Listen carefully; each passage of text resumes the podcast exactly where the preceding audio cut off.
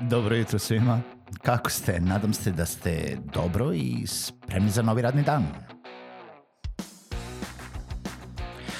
Pozdrav svima i dobrodošli na podcast Male pobede, stari novi podcast koji, well, koji je tu da bi vam kroz pitanje i savete dao motivaciju, pokrenuo vas u pozitivnom smeru i pomogao da ovaj dan počne bolje, jače i možda čak i zabavnije. Moje ime je Željko Crnjaković.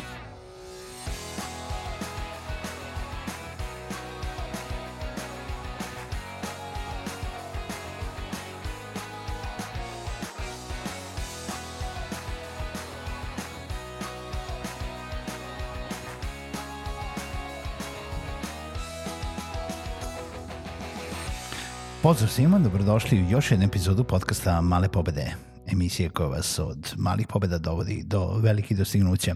Moje ime je Željko Cenjaković i želim da se zahvalim svima koji podržavaju ovaj podcast, a ukoliko vi to želite da uradite, možete to uraditi na Patreon platformi www.patreon.com kroz male pobede i da ostavite vaš prilog. U današnjoj emisiji pričamo o remote worku ili radu na daljinu i šta mislite o tome. E, ne pričam sad trenutno o freelancingu i ljudima koji rade od projekta do projekta, stalno menjaju klijente, nego jednostavno o tom radu na daljinu kada ste vi kao sad iz, iz ugla poslodavca i iz ugla zaposlenog e, kada imate svoju firmu i odlučite se da ponudite kao jedan od benefita rada u vašoj, e, u vašoj firmi mogućnost rada na daljinu.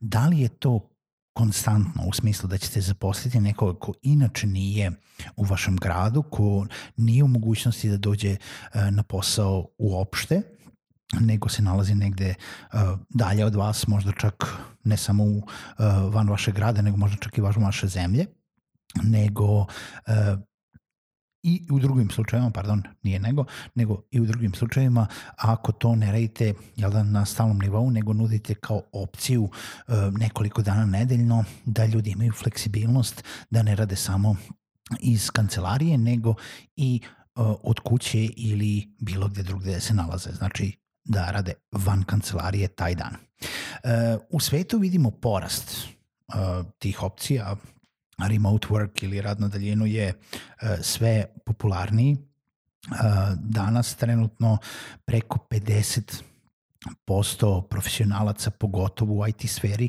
ima neku vrstu rada na daljinu, a oni koji to rade e, često bivaju više produktivniji, više zadovoljniji i šta više odlučuju se da se nikada više ne vrate na tu opciju stalnog rada u kancelariji, već da zadrže što više opcija rada na daljinu. Zašto je to tako? Zašto je rad na daljinu ponekad čak produktivniji, ponekad uh, dovodi do većeg zadovoljstva. Naravno, možda nije za svakoga i nije za svaki tip posla i nije za svaki odnos poslodavca ili možda čak i za svaku jel da, uh, poziciju u vašoj kompaniji. Ali šta može da vam donese? Za poslove koji dozvoljavaju rad na daljinu, on može da donese prvo i prvenstveno zadovoljstvo radnika. Ukoliko je radnik dovoljno savestan i dovoljno uh, profesionalan da zna da mora da odradi svoje obaveze, a nudite mu fleksibilnost, onda uh, zadovoljstvo radnika može da utiče kako na njegovu produktivnost, tako i na vaše rezultate poslovanja, jel tako? To je nekako uzajemno povezano.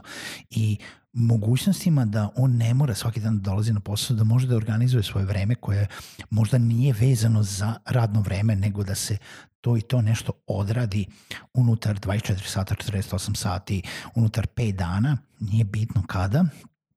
E, najveći benefit jeste da ljudi odrade taj posao, da budu produktivni i da ga odrade što je bolje moguće.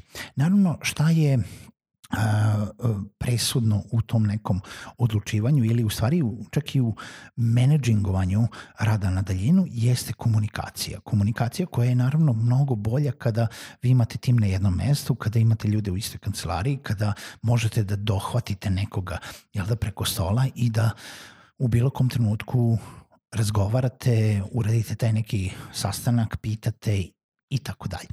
Ali za one profesionalce kojima nije potreban taj pa ne, neću da kažem svakodnevni razgovor, nego čak i možda svako časovni razgovor više puta dnevno ukoliko nije potrebno da vas neko nešto pita za svaku sitnicu.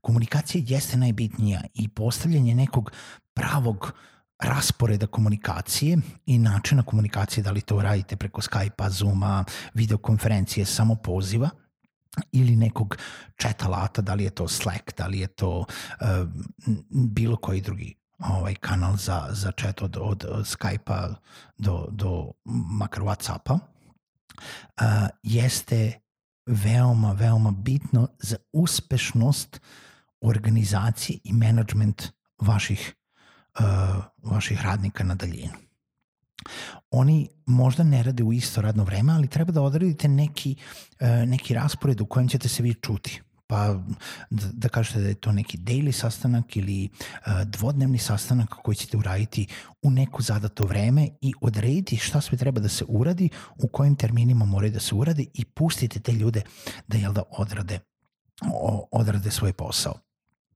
Ono što vam mogu reći jeste da E, postoje nekoliko benefita e, zapošljavanja e, ljudi koji rade na daljinu. Prvo, sam benefit koji privlači ljude, koji privlači ljude da na neki način imaju više fleksibilnosti u svom životu, imaju uh, tu neku, možda čak i dozu poverenja od strane poslodavca da, e, ne moram da ti lebdim nad glavom, ne moram da ti gledam preko ramena za svaki uh, posao koji moraš da uradiš, nego jednostavno ja tebi verujem dovoljno da si profesionalac i da ćeš uraditi taj posao kako treba i kako, kako dolikuje. Tako da na neki način ti ljudi se osjećaju bolje. Drugo, možete da dobijete i proširite svoj pristup možda nekom talentu koji inače ne možete da, e, da dohvatite, jel da, da nije u vašem gradu, nije u vašoj zemlji, možda se nalazi u nekim nedostupnim delovima i ne samo da proširite, nego jednostavno dobijete čitav niz i, i mnogobrojnost drugih ljudi koje možete da intervjuišete i potencijalno zaposlite. Znači, niste vezani samo za vašu lokalnu zajednicu da ovaj, morate da ovlačite ljude tu i nebitno da li se nalazite u velikom gradu ili u malom gradu povećanje kreativnosti i produktivnosti smo već rekli. Znači, produktivnost samo po sebi zato što ljudi kroje svoje vreme i za one koji su profesionalni u tome, koji su dosledni i uh, jel da, odgovorni pre svega, uh, može da znači i povećanje kreativnosti. Vi ne možete uvek da utičete na okruženje u kojima se oni nalaze, ali ako je njihov posao kreativan, umno zahtevan, nebitno da li je programiranje, dizajn, možda imaju neku svoju, neki svoj način punjenja te energije, punjenja svoje uh, interne uh, jel da, te baze kreativnosti iz kojeg će mnogo lakše da urade taj projekat ako nisu vezani za tu uh, kancelariju ili neki svoj kutak u vašoj kancelariji. Uh, možete, ono što je veoma bitno kao poslodavci, da smanjite troškove. E, nalaskom ljudi koji će raditi na daljinu, vi automatski više niste odgovorni za njihovu kancelariju, za neke uh, benefite koje imaju u kancelariji za popijenu kafu, za, za još jedan stol, stolicu, računar možda i tako dalje, nego dozvoljavajući ljudima koji rade na daljinu, to je ljudima da rade na daljinu, automatski vi prebacujete njima odgovornost koristiš možda svoj računar, dobro možda ste im dali, ali možda svoj računar, uh, plaćaš svoje račune za struju uh, i sve ostalo i da li će oni da rade od kuće ili će da izaberu da rade iz nekog coworking prostora ili iz neke druge kancelarije, to je već njima. To je odluka za one koji su zaposleni. Ali kao poslodavci vi možete izuzetno da smanjite te troškove uh, samog održavanja kancelarijskog prostora jer ste izmislili svoj tim i dali poverenje. E sad, nije to uvek jel da, najbolje i najproduktivnije i znamo primere jednog i drugoga. Znamo primere firmi koje, jel da, i pozicija jel da, samih u firmi gde je veoma potrebno i veoma bitno da imate tim na jednom mestu i da imate ljude koji dolaze redovno na posao, pogotovo kod onih koji nisu razvili taj, uh, tu doslednost, tu odgovornost, nego jednostavno im je potrebno da odu negde na posao i potrebno im je da budu tih 8 sati na poslu zato da bi obavili svoje zadatke. A, a sa druge strane imamo primere firmi koje funkcionišu kao redovne velike firme, a da im se ni jedan član tima ne nalazi u istom gradu. Da nemaju ni jednu redovnu kancelariju, onako gde sedi pet ljudi, nego jednostavno da svi rade svuda od kuće. I ne pričam, znači pričamo dve različite uh, totalno krajnosti, gde imate jednu full in-house firmu i jednu full remote firmu koja može da radi. I obe stvari funkcionišu. Najbolja verzija jeste taj neki middle ground gde vi imate firmu u kojoj ljudi dolaze, u kojoj možete da imate i benefite zajedničkih sastanaka i team buildinga i na neki način te centralne baze, a da ljudima nudite tu dodatnu opciju uh, da jedan, dva, tri dana nedeljno rade remote, da organizuju sebi vreme, da urade ono što možda treba da urade da li u gradu, da li, uh, da li su možda radne uh, radnici koji su uh, samohrane majke ili očevi, pa lakše će organizovati svoje vreme oko deteta ukoliko imaju vreme koje sami organizuju. Kako vi stojite sa odnosom na rada na daljinu? Da li dozvoljavate to radnicima? Koliko često dozvoljavate? Voleo bi da čujem. Ja vam oslim jedan infografik u opisu o, ovog podcasta uh, o stanju uh, rada na daljinu na svetskom nivou. Čujemo se u narednoj epizodi podcasta Male pobede.